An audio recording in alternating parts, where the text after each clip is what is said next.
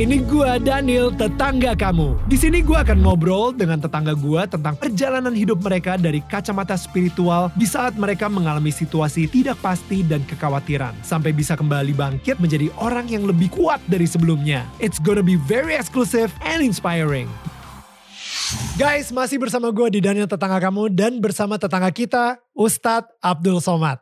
Nah, sebelum gue lanjut, gue pengen ingetin ke kalian dulu untuk please klik subscribe ke channel Daniel Manata Network. Right? Karena gue janji akan selalu membuat konten berkualitas dan menambah value dalam hidup kalian sehingga mentransformasi kalian untuk menjadi seseorang yang lebih baik lagi. Alright, kita lanjutin obrolan kita sama UAS.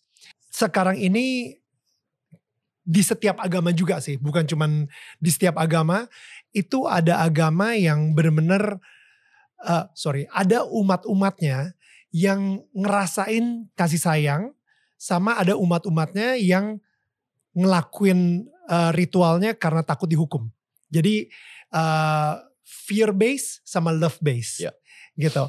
Saya ngerasa jujur kayak dulu saya itu lebih ke fear based Ya. dulu. Uh, sampai akhirnya suatu kejadian sama saya, saya sempat kehilangan suara dan kehilangan identitas, depresi. Akhirnya saya mulai menjadi orang yang spiritual dan menjadi love base. Sekarang ini saya ngerasa karena cinta kasih Tuhan kepada saya, Ya. akhirnya saya melakukan ritual-ritual tersebut sebagai ucapan syukur dan terima kasih. Ya. Nah, em, tapi yang fear base, yang Ya. ngelakuin eh, segala macam ritual atau hal karena ketakutan itu banyak banget yang efeknya jadi nggak baik sih. Dia kayak mulai menghakimi orang-orang sekitarnya dia, Ya. dia mulai eh, nakut-nakutin, dia mulai kayak I don't know, kayak kayak sangat nggak toleransi malahan gitu. Hmm. Dan saya ngerasa eh, kadang-kadang ekstremis ini lahirnya justru dari fear based. Ya. Padahal Islam ini adalah agama full of peace gitu, agama damai gitu kan. Islam diambil dari kata salam. Salam itu peace, damai, Hmm. Hmm. kedamaian. Dan ini bukan kebetulan sih.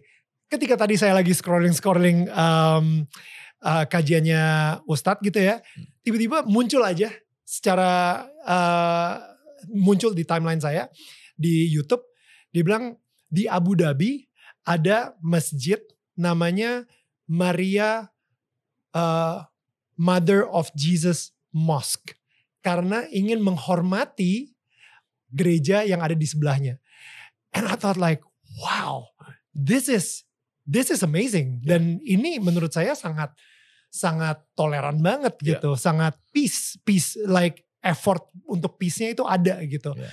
Nah, em, bagaimana sih cara supaya seseorang dari yang tadinya ketakutan akan hukuman dari Tuhan, akhirnya bisa berpindah ke mengerti apa kasih sayang dari Tuhan gitu ke dia. Kalau kamu nggak sholat masuk neraka. Hmm. Kalau kamu minum khamar masuk neraka. Masuk neraka. Kalau kamu mau masuk surga berarti kamu mesti banyak baca Quran. Hmm.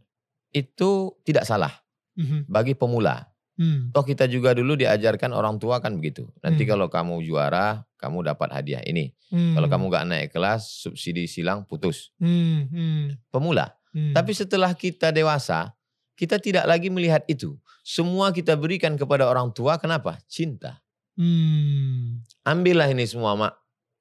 Ambillah Hmm. ini semua. Apa yang mau nih ambillah. Kenapa? Karena aku tidak bisa membalas sekali teriakanmu saat melahirkan aku. Wow. Jadi perlu kedewasaan. Jadi Hmm. sekarang banyak anak-anak yang terjebak di tubuh orang dewasa. Hmm. Betul. Cara berpikirnya berpikir anak-anak, Hmm. tapi dia tubuhnya sudah dewasa. Hmm. Cara berpikir beragamanya seperti anak-anak tadi Hmm. dan dia belum dewasa dan dia terjebak dalam tubuh orang dewasa. Makanya puncak dari dalam hadis la yudkhilal jannata ahadakum amaluhu. Kamu masuk surga bukan karena amalmu. Lalu kemudian kata Nabi, kamu masuk surga bukan karena amalmu. Lalu kemudian bukan karena ritualmu. Wow. Lalu sahabat bertanya, engkau ya Rasulullah juga masuk surga bukan karena ritualmu? Bukan. Terus kenapa? Illa ayyataghammadani Allahu birahmatih. Aku masuk surga karena kasih sayang Allah. Jadi kalau kita beramal beribadah itu karena kasih sayang Allah, kan beda dengan karena ketakutan. Hmm. Mohon maaf jangan tersinggung. Mungkin mental kita mental kuli. Kuli ini tidak hina. Hmm. Karena mereka adalah eh, orang yang tulus ikhlas bekerja. Tapi mental itu kan kalau saya dapat kerja ini saya dapat apa? Hmm. Terus ini dapat apa? Padahal sebetulnya kalau dikumpul semua ritual kita itu untuk mem- untuk menebus surga surga Tuhan, surga Allah kan tidak tertebus. Hmm. Bagaimana mungkin seorang Abdul Somad yang hidup 63 tahun, Hmm. potong tidur, potong kerja, potong ini, potong ini, berapa persen dari ritual ibadahnya untuk menebus surga yang kekal selamanya? Hmm. Kan nggak bisa. Hmm. Terus masuk surga itu kenapa? Karena kasih sayang Allah. Uh. Kasih sayangnya yang membuat kita masuk surga. Hmm. Lalu Hmm. kenapa? Kalau dia masukkan kita ke surganya karena kasih sayangnya, Hmm. lalu kenapa kita nggak punya kasih sayang? Makanya ketika Nabi sedang duduk, ada seorang Arab Badui. Orang Arab Badui ini kan keras alamnya, bebatuan, panas. Lalu kemudian Nabi cium cucunya. Hasan dia cium, Husain. Apa kata orang Arab Badui ini? Aku anakku 10 laki-laki satu pun nggak ada yang kucium. Kasar, temperamen. Kata Hmm. Nabi, man la yarham la yurham. Siapa yang tidak ada kasih sayang dalam hatinya, maka Tuhan tidak akan menyayanginya. Uh. Man irhamu man fil ardi yarhamkum man fis sama. Kalau kita belajar hadis, ada dalam Islam tuh ayat. Bang Daniel ada ayat, Ya. ayat Quran. Ya. Kemudian penjelasan Nabi Muhammad itu Hmm. namanya hadis. Oke. Dalam ha- kalau kita belajar hadis, hadis yang pertama dipelajari adalah bunyi hadisnya diriwayatkan dari sahabat Nabi namanya Abdullah bin Amr bin As. Saya mendengar hadis ini dari guru saya pertama kali hadis yang dia sampaikan ke saya dari Syekh Profesor Dr. Mahmud Said Mamdu. Hmm. Dia mendengarkan hadis ini pertama kali dari gurunya. Hmm. Di gurunya juga mendengarkan hadis ini pertama kali dari gurunya. Jadi kalau belajar hadis, hadis pertama yang dipelajari adalah hadis bukan tentang sholat, bukan tentang puasa, bukan Hmm. tentang haji. Hadis tentang apa? Irhamu ar-rahimuna yarhamuhumur rahman, irhamu man fil ardi yarhamkum man fis sama. Orang yang ada rasa kasih sayang dalam hatinya, dialah yang disayang oleh Allah. Sayangilah makhluk yang ada di bumi, maka malaikat-malaikat di langit akan menyayangi. Itu hadis pertama yang dikaji. Ya. Kalau kita buka Al-Quran, ayat yang pertama, in the name of Allah, most gracious, most merciful. Kasih sayang. Ya. Hadis pertama yang dibaca juga adalah kasih sayang. Kasih sayang. Lalu kalau ada orang tidak berkasih sayang, yang salah itu ajarannya apa orangnya? Hmm. Boom. It, saya kalau ngobrol sama banyak teman muslim saya gitu ya, mereka sangat fokus banget sama pahalanya. Ya kan? Jadi oh ya biar ini biar dapat pahala lebih banyak, biar ini dapat pahala lebih um, supaya nanti di surga dan lain-lain. Um, tapi kalau misalnya tadi Nabi sempat bilang bahwa orang masuk surga bukan karena amalnya, tapi karena kasih sayang Tuhan. Jadi apa pahala yang selama ini mereka kumpulkan gitu? Karena pahalanya sebanyak-banyak yang mereka kumpulkan, yang nggak akan nggak akan eh, cukup juga. Bang Daniel, pemula ini, dia mikirnya belum nyampe ke situ. Hmm. Jadi untuk tahap pemula ini dia masih nanya, saya kalau kerja satu jam berapa ya? Kamu dua dolar. Terus hmm, kalau per hari, kalau kerja malam ada bonusnya enggak? hmm, Untuk pemula memang begitu. teknis. Iya. Ya.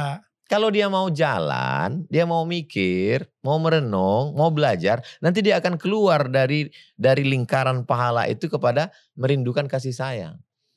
Tapi karena dia jalan di tempat, keilmuannya di bidang di bidang yang lain dia S1, S2, S3, Hmm, pangkatnya naik terus dari golongan 2A, 2B, 2C sampai 4E. hmm, Tapi proses pemikiran beragamanya jalan di tempat. hmm, Anak kecil terjebak di tubuh orang dewasa, berbahaya. balik lagi ke situ. Kita Hmm. perlu untuk dewasa dalam beragama.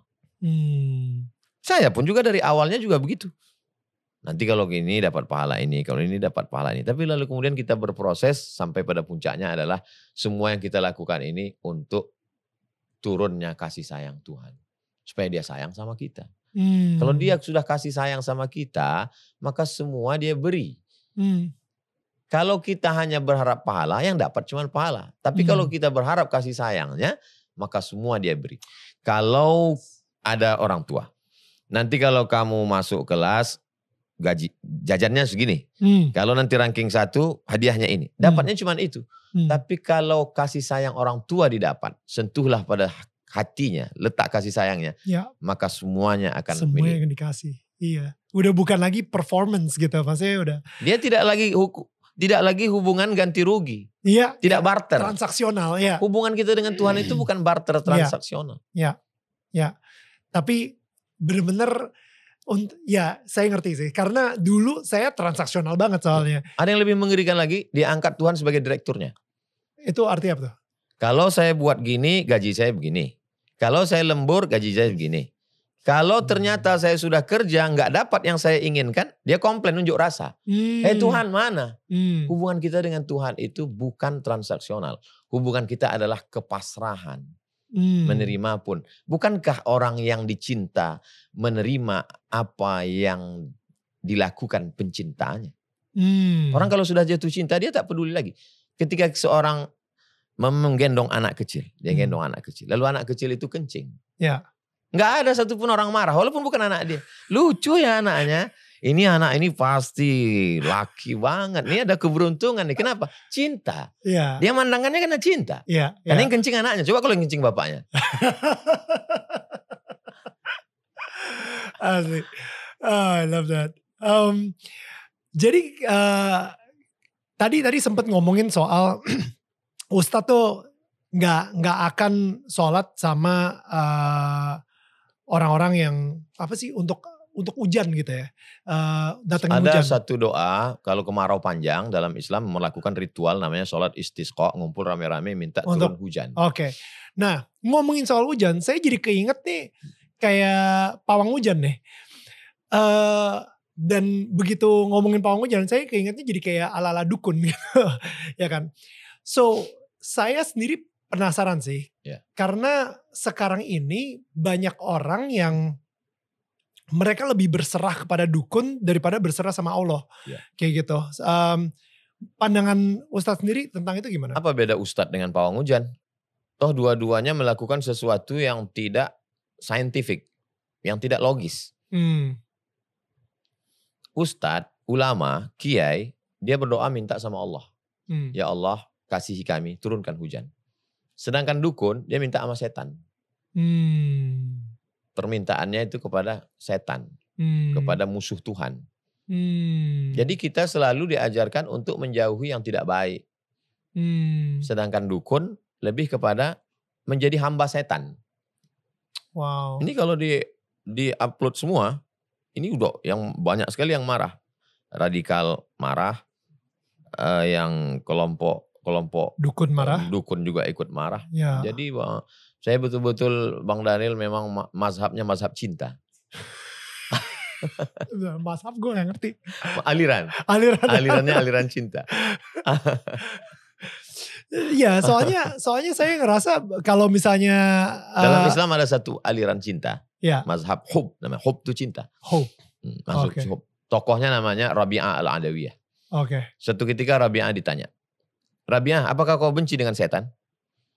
Kata Rabi'ah, hatiku sudah dipenuhi cinta sampai tidak ada satu tempat pun untuk kebencian. Hmm. Tapi itu ungkapan orang yang sedang jatuh cinta. Orang jatuh cinta ini mabuk kan ungkapannya nggak bisa dipegang. Ya, ya. Ya. Adinda, seribu tahun kau kan ku nanti. Iya, seribu tahun dari Hong 40 Kong. tahun aja udah sesak napas. Nah, itu. Jadi ungkapannya itu adalah bahwa dia sudah dipenuhi dengan cinta. Sehingga tidak ada tempat untuk kebencian kepada apa pun dan kepada siapa pun. Hmm. Jadi saya yakin dan percaya Bang Daniel menampilkan Abdul Somad bicara tentang radikalisme, bicara tentang Singapura, bicara tentang eh, dukun. Tidak ada satu ruang pun untuk rasa takut dalam hatinya karena ketakutannya sudah habis. Dipenuhi oleh cinta kepada Tuhan. I- Iya, dan bukannya apa ya? Karena saya suka sedih gitu. Kalau misalnya ngelihat, apalagi sekarang bahasanya apa sih? eh, cinta ditolak, dukun bertindak gitu kan. Jadi kayaknya udah biasa banget gitu, di mana orang-orang tuh mem- ke bukannya berserah sama Allah, tapi malah ke dukun gitu. Cari Pada shortcut. masa Renaissance, Hmm, abad ke-15, kebangkitan Eropa, eh, karena kekuasaan raja-raja yang begitu hebat, maka muncullah demokrasi. Karena laki-laki begitu super power, maka muncullah gerakan feminisme. Dan orang lupa bahwa di abad 15 di Eropa itu, di antara gerakan Renaissance adalah menangkap dukun-dukun. hmm, Semua dukun-dukun itu dibakar. witches ya. Iya. Iya. jauh sebelum itu, pada masa setelah Nabi Muhammad meninggal, digantikan oleh Abu Bakar Siddiq sebagai pemimpin. Hmm. Abu Bakar dua tahun digantikan oleh Umar. Pada masa Umar diadakan razia dukun. Semua Hmm. dukun ditangkap. Hmm. Ditangkap disuruh bertobat. Jadi setelah kira-kira berapa ratus tahun setelah itu barulah Eropa terinspirasi dengan itu. Hmm. Kalau kita mau bersih, maka dukun-dukun ini mesti ditangkap. Hmm. Ini bakal problem sih. Boleh boleh dikat untuk tidak diupload. Gak, gak. Gue lebih pikirnya kayak kita bakal dikirim-kirimin apa. Tapi ya itu sih. Gue ngerasa kayak ya udahlah kalau misalnya dikirimin Tuhan gue lebih kuat kok daripada mereka. Keyakinan itulah yang membuat setan tidak masuk. Ya. Dalam dialog setan mengatakan, La atiyannahum min baini aidihim. Aku akan datangi mereka dari depan. Wa min khalfihim dari belakang. Wa an aimanihim dari kanan. Wa an syama'ilihim dari kiri. Semua sisi aku akan datangi mereka. Tapi ada satu yang tidak bisa aku datangi. Siapa dia? Illa ibadaka minhumul mukhlasin. Mereka yang tulus. Hmm. Mereka yang menyerahkan dirinya kepada Tuhan. Dia tidak dapat celah untuk masuk. Hmm. Nggak ada akses dia untuk masuk. Hmm. Amin. Amin. Dan itu saya saya ngerasa kayak itu sih pegangan saya sih. Karena kalau misalnya dengan saya hadap-hadapan sama dukun gitu ya, udah pasti saya kalah. Tapi kalau misalnya saya punya Tuhan eh, yang jauh lebih kuat daripada siapa pun gitu, ya udah saya nggak perlu takut lagi. Ada sepupu Nabi Muhammad namanya Abdullah. Ayahnya nama Abbas. Abbas dengan ayah Nabi saudara kandung. Jadi mereka sepupu. Kata Nabi, ya gulam, wahai Abdullah. Aku ajarkan kau satu kalimat. Lawi jitama'atil ummah. Seandainya seluruh manusia di dunia ini berkumpul. Ala ayyadurruka, ingin membunuhmu. Ingin mencelakaimu, ingin menyakitimu, ingin menyantetmu. La yadurruka, mereka tidak akan mampu. Illa qad kataballahu alaik. Kecuali memang sudah kehendak Tuhan. Walau ijtama'u seandainya mereka berkumpul satu dunia ini ingin menolongmu, ingin menyelamatkanmu, ingin menyehatkanmu. Berkumpul semua dokter ingin menyelamatkanmu. Kalau Hmm. kata Tuhan kau sudah memang sudah masanya mati, Ya, maka kau akan mati. betul. Artinya apa? Kepasrahan, keyakinan akan Tuhan tidak berbagi kepada yang lain. Hmm. Yang dalam Islam disebut tidak boleh syirik, mempersekutukan, menduakan Tuhan. Hmm. Murni, esa, tunggal, tidak berbilang, Hmm. hanya kepada dia saja. Makanya Tuhan tidak mau ada hambanya yang menuhankan dukun, Hmm. menuhankan harta, menuhankan popularitas, Ya, menuhankan manusia. betul. Dia hanya dia saja, jangan yang lain. Hmm, betul. Karena ya itu ya Tuhan itu Tuhan yang cemburu sih. Itu Ya. yang saya percaya juga Ya. gitu. Jadi jangan sampai bahkan kadang-kadang kita bisa bikin anak-anak kita jadi Tuhan kita. Kita me- memberikan seluruh perhatian dan semuanya ke anak-anak kita sampai kadang-kadang Tuhan tuh kita lupakan gitu. Atau bahkan kalau bagi laki-laki gitu eh, kerjaan kita atau karir kita yang kita Ya. jadikan Tuhan gitu buat kita. Ya. Dan itu bikin Tuhan cemburu Mem- sih. Mempertuhankan Memper- benda. Betul, betul. Nah, jadi karena kali ini gue agak semi-semi eh, live show gitu ya. Jadi gue membuka forum pertanyaan dan jujur ini begitu banyak yang tahu kalau misalnya gue bakal interview sama UAS, Ya. banyak banget yang titip pertanyaan juga nih buat UAS gitu. So yang pertama mungkin gue akan tanya dari dari eh, handphone gue. Dan habis itu yang kedua nanti gue akan minta salah satu dari tim kita ini dari dari timnya uh, Daniel Mananta Network juga yang ngefans sama UAS untuk uh, tanya pertanyaan dia gitu. Oke. Di Al-Qur'an ada ayat yang menerangkan bahwa laki-laki yang baik untuk perempuan yang baik-baik. Dan begitu pula sebaliknya, laki-laki yang keji untuk perempuan yang keji pula. Itu gimana sih Ustadz maksudnya? At-tayyibuna lit-tayyibat. Laki-laki yang baik untuk perempuan yang baik. Hmm. Lalu kemudian ketika orang baca ayat ini, dia baca terjemahnya, laki-laki yang baik untuk perempuan yang baik. Lalu kemudian dia merasa dia, "Ah, aku kan sudah baik, kok istriku nggak baik ya? Hmm. Berarti Al-Quran ini nggak benar. Hmm. Itulah perlunya baca tafsir. Hmm. Kronologis ayat itu turun gimana?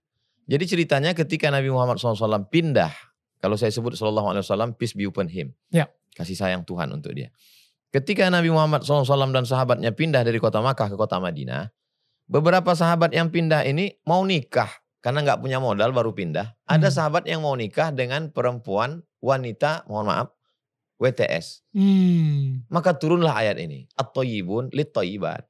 Kalau kamu mau nikah, carilah perempuan yang baik. Hmm. Jangan dengan WTS yang belum tobat. Hmm. Tapi kalau dia, dia sudah tobat, illa man taba, orang yang bertobat, wa amana, dia memperbaiki imannya, Hmm. wa amila salihah, dia sudah beramal saleh, berbuat baik, ulaika yubaddilullahu sayyiatihim hasanat. Semua perbuatan dosanya di masa yang lalu sudah diganti Tuhan karena kasih sayangnya dengan kebaikan-kebaikan. Hmm. Jadi kronologis ayat itu adalah kalau kamu baik, carilah orang yang baik. Karena kamu nanti akan melahirkan anak-anak yang baik. Kalau orang yang baik nikah dengan orang yang baik, lalu orang yang nggak baik gimana? Ya orang yang nggak baik itu diselamatkan. Hmm. Diselamatkan dengan dakwah.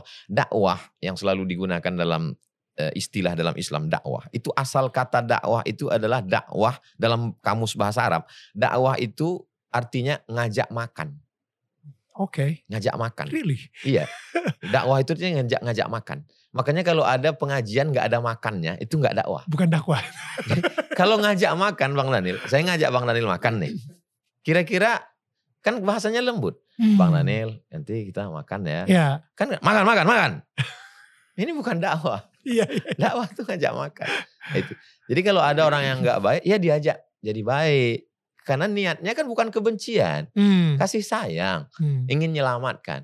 Masa masuk surga sendirian? Ya, ya, ya. Surga itu sepi, nggak Ya. ada lo, nggak ada nggak rame. Gak rame Nah, gitu. itu. Jadi- Jadi prinsipnya itu nggak egois. Hmm. Nah itu, jadi kronologis ayat itu jangan baca terjemahannya. Hmm. Tapi udah mau baca terjemahan juga udah baik, cuman kurang baik. Hmm. Demikian mana? Oke, nah sekarang kita minta eh, salah satu tim kita.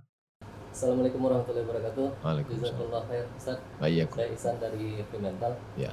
Eh, saya ingin menanyakan, eh, saya dari Sumatera Barat, orang Minangkabau. Mungkin kita masih serumpun ya Ustaz ya, walaupun beda suku tapi mu- mungkin masih serumpun. Saya dengan Bang Daniel serumpun juga. Kami dari Yunan. Ya, boleh. ada ada Cina-nya ternyata. Iya, Ustaz ya. Eh, jadi kalau di kampung saya itu ada namanya eh, adat basan di syarak, syarak basan di kitabullah.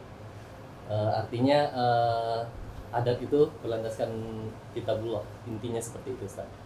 Cuma memang banyak ternyata ajaran yang dari kampung saya itu adat yang di kampung saya itu justru malah bertentangan dengan yang ada di Al-Qur'an, Ustaz. Yang pertama eh, ini semuanya syariat ya Ustaz ya eh, yang ada di dalam Al-Qur'an yang termaktub bukan sunnah lagi bukan hadis apa segala macam. Yang pertama eh, kita nggak boleh nikah sama sepupu. Di dalam Al-Ahzab kan itu eh, boleh menikahi sepupu. Nah, kalau di kampung saya itu anak dari sepupu dari ibu sama-sama ibu itu benar-benar diharamkan seperti yang menikah. Itu yang pertama. Kemudian eh, yang kedua perempuan itu di kampung saya warisannya kebanyakan Ustaz. Nggak sesuai dengan yang ada di dalam Anisa 11-12 Ya. kemudian yang ketiga eh, mahar untuk eh, pernikahan. Di kampung saya ada namanya daerah namanya Pariaman Ustaz. Hmm. itu eh, perempuan malah yang membayar mahar untuk eh, si lelaki. Ya. dan ini eh, semuanya ada kebiasaan kita di Minangkabau. Dan yang memang bertolak belakang dengan apa yang dituliskan di dalam Al-Quran. Itu bagaimana kita menyikapinya terima kasih Ustaz. Assalamualaikum warahmatullahi wabarakatuh. Waalaikumsalam warahmatullahi wabarakatuh. Langsung Bang Daniel.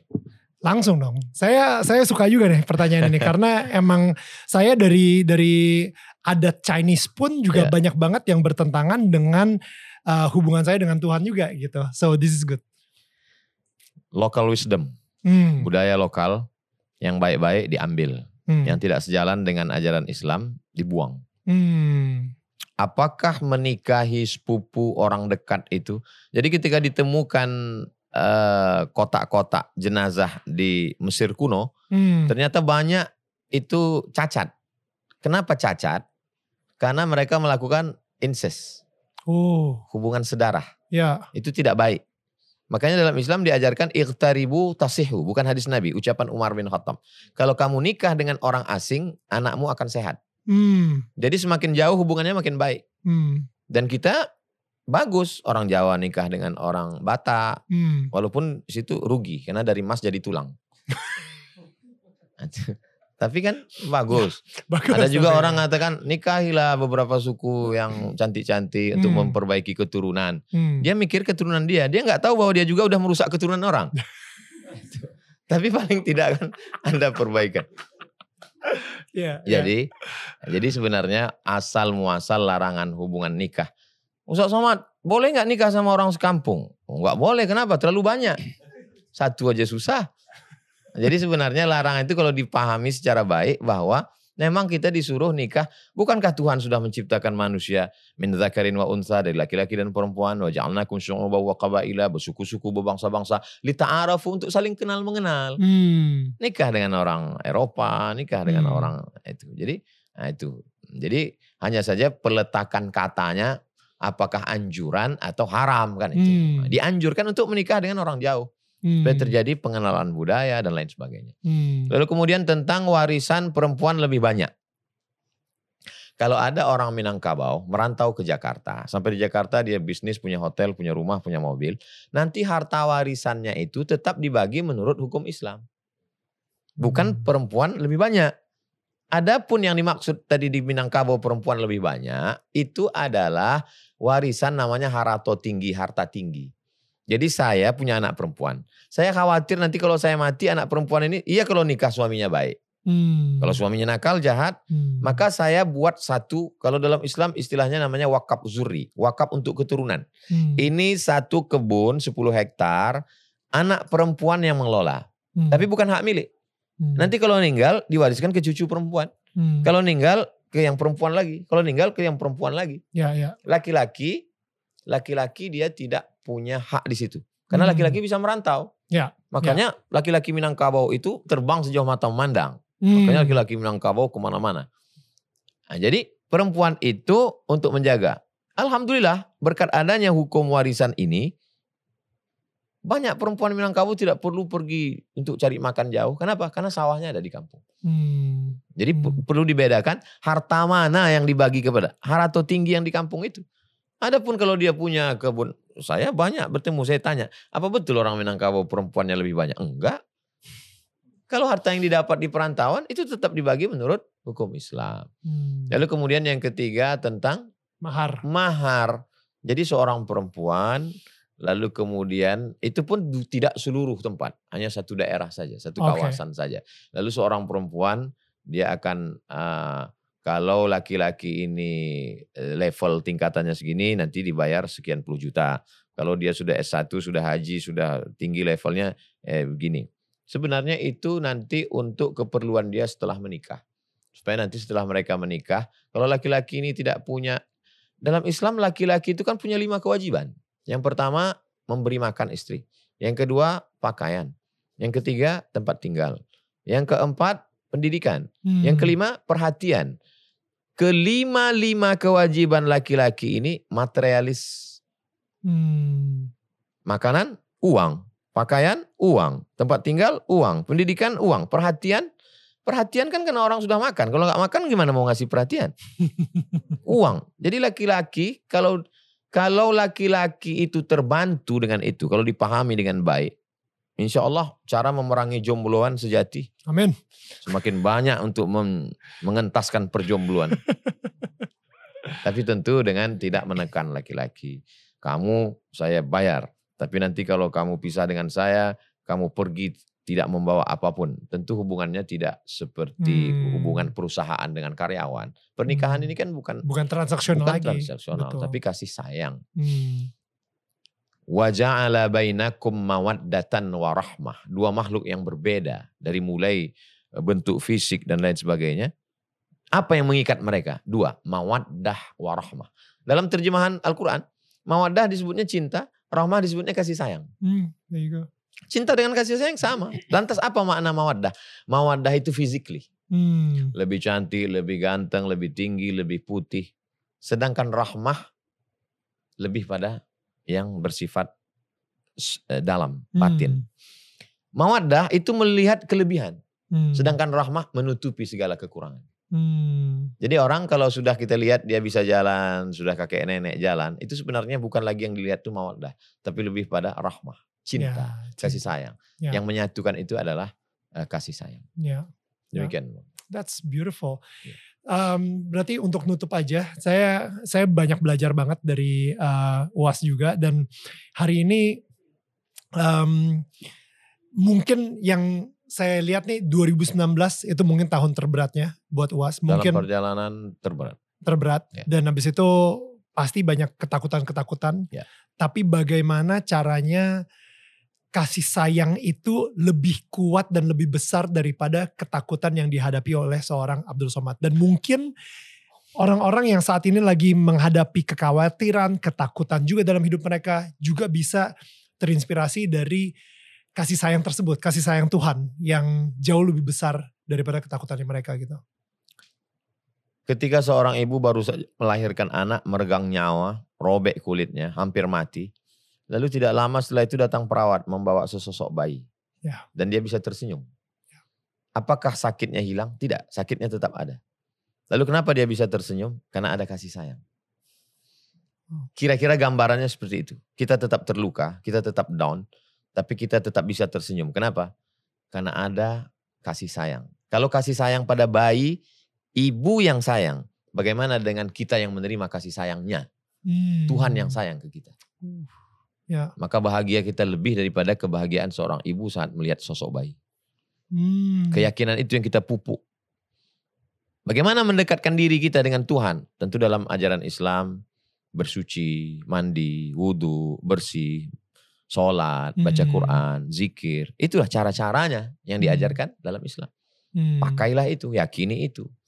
Hmm. Maka dia seperti cawan, seperti gelas. Air ini akan turun kalau cawannya bersih, tidak bolong. Hmm.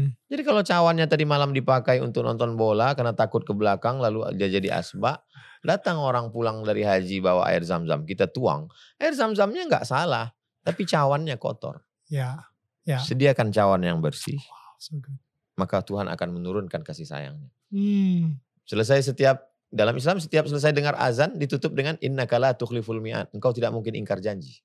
Hmm. Dia berjanji, dia akan menebarkan kasih sayangnya. Kasih sayang Tuhan itu 100.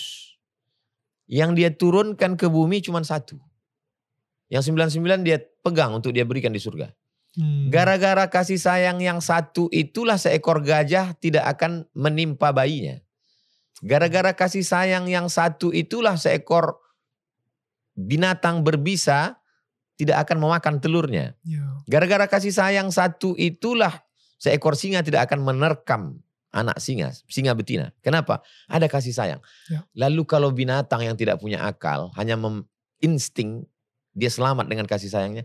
Lalu kenapa kita kehilangan kasih sayang? Ya. Berarti kita lebih hina dari binatang. Hmm, Jangan sampai. Nauzubillah. Beautiful. Was, thank you so much. Tat, eh, saya benar-benar belajar banyak banget dan again saya ngerasain banget cinta dari eh, seorang uas gitu dan em, ngerasain kasih sayang banget. Dan saya apa ya eh, banyak denger dakwanya pagi ini dan saya yakin pengen dengerin lagi sih dakwah-dakwah yang lain sih yang em, apa- sorry em, kajian atau mungkin eh, khotbah juga. Ya. because it's it's so full of love it's so full of love. Em, Ustadz tuh menggambarkan Tuhan itu bukan Tuhan yang maha penghukum gitu Tuhan yang adil iya emang hukumannya ada tapi kasih sayangnya jauh lebih besar daripada hukumannya gitu Karena di dalam ajaran Nabi mengatakan inna rahmati sabaqat ghadabi. Kasih sayangku mendahului hukumanku. Hmm. Ada hukuman, ada kasih sayang. Ya, Kasih sayangku mendahului hukumanku. hmm. dan itu tercermin banget sih. ya. Ada orang pelaku dosa, dosanya banyak sekali, lalu dia pesankan ke anaknya, ke keluarganya, nanti kalau aku mati, kumpulkan kayu, bakar jenazahku. Kenapa? Karena aku takut bertemu dengan Tuhan. Kata Tuhan, aku sudah ampunkan dosa-dosanya karena ada rasa takut dalam hatinya. Hmm. Betapa semua kesalahannya diampunkan Tuhan, kenapa? Kasih sayang Tuhan. Hmm. Hmm. Masuk surga karena kasih sayangnya. Ya. Dia turunkan Nabi karena kasih sayangnya. Dan kita bersama ini pun karena ada setitik kasih sayang. Ya. Membuat kita bisa duduk bersama. Walaupun satu ayah, satu ibu, saudara kandung, saudara kembar, satu perut, cuman beda jam lahir. Tapi kalau dicabut kasih sayang dari dalam hatinya, maka disebut dengan la'anan mula'ana. Dia menjadi orang yang terlaknat. Hmm. Terlaknat bahasa Arab, bahasa kitanya laknat jauh dari kasih sayang Tuhan. Ya, ya. Mudah-mudahan kita diselamatkan dalam kasih sayang. Amin. Thank you. Dan kepada semua tetangga kita, thank you so much udah udah nonton episode ini dan ini episode yang spesial banget buat gua to be honest. Um, and mudah-mudahan kalian sendiri kalau misalnya tadi ada ada momen-momen yang kalian suka banget, ada uh, kata-kata dari UAS yang kena banget di hati kalian, share please share ke kita, share di Instagram at Network atau di Instagramnya UAS juga.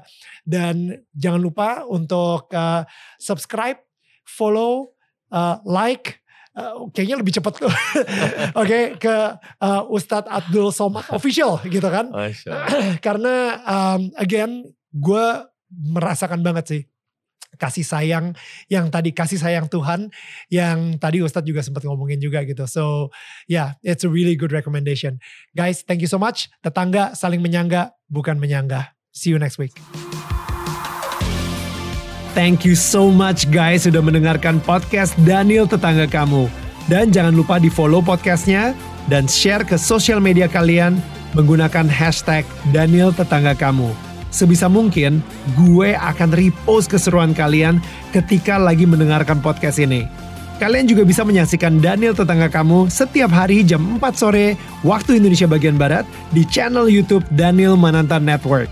Karena setiap minggunya akan ada sosok-sosok inspiratif yang akan menceritakan perjalanan hidup mereka dan hubungan mereka dengan Tuhan. Sampai ketemu minggu depan.